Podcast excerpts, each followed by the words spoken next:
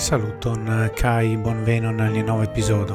Hodio, malgraŭ la facto che estas dimanĉo, mi devis pretigi la materialon por la venonta semaino pri interlingvistiko kai mi clarigos eh, la komencon de interlingvistiko per la letero de Cartesio al Mersenne kai do mi montro salvi iom de la materialo kion mi pratigis char fakte mi eĉ presca ne eliris mian andomo Do restu con ni, con meditu con ni. Dankon.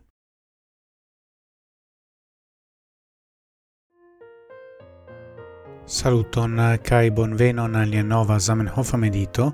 Hodiaŭ mi volas legi el tiron eh, el la tractajo e senso che estonteco kiu mi volas rilatigi kun la fama lettero kiun Cartesio sendis al sia amico Mersenne kiam li trovigis en Amsterdamo pri la essenzo de ebla au ne ebla universala lingvo.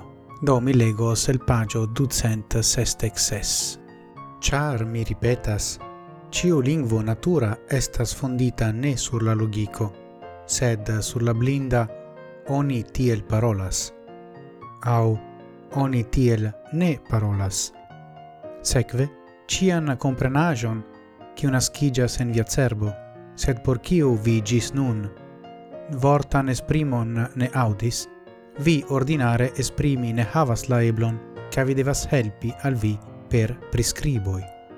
Sed, en lingvo arta conscie fondita sur la severai, permessantai nenian excepton nec arbitron, legioi de pensado, nenio simila, povas havi locon.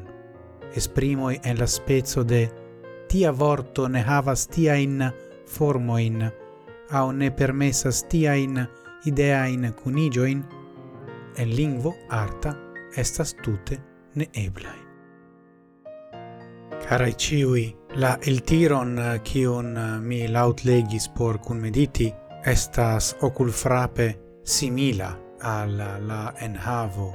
De parto de la lettero de Cartesio do mia civespera supposo estas che Zamenhof legis gin eh, cae inspirigis por formi Esperanton, et se compreneble mi havas neniun pruvon pritio, sed versaine Quelquefoie belas iom supposi pri nevidebla ligo inter du pensuloi tra la iarcentoi, cae mi gioias tion fari. Dankon pro via atento, gis morgao, cae, ciel ciam, antauen sen fine.